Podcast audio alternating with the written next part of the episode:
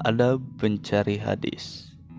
Senantiasa menulis hadis-hadis masyhur Dan tidak menulis hadis-hadis gorib. Tidak juga menulis hadis-hadis munkar.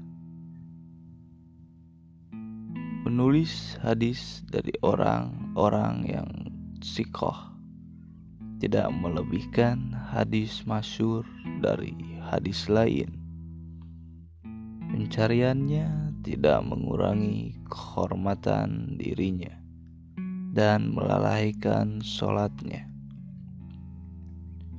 Menghindari pergunjingan, diam untuk mendengar, melazimkan diam di hadapan perawi hadis, dan menaruh perhatian terhadap upaya perbaikan tulisannya tidak mengatakan saya mendengar, padahal tidak mendengar, tidak menyebarkan hadis untuk mencari kemasyhuran, lalu menukil hadis dari orang-orang yang tidak sikoh dan ahli makrifat, tetapi harus mengambil hadis dari ahli agama tidak menukil hadis dari orang yang tidak mengenal hadis yang bersumber dari orang-orang solih.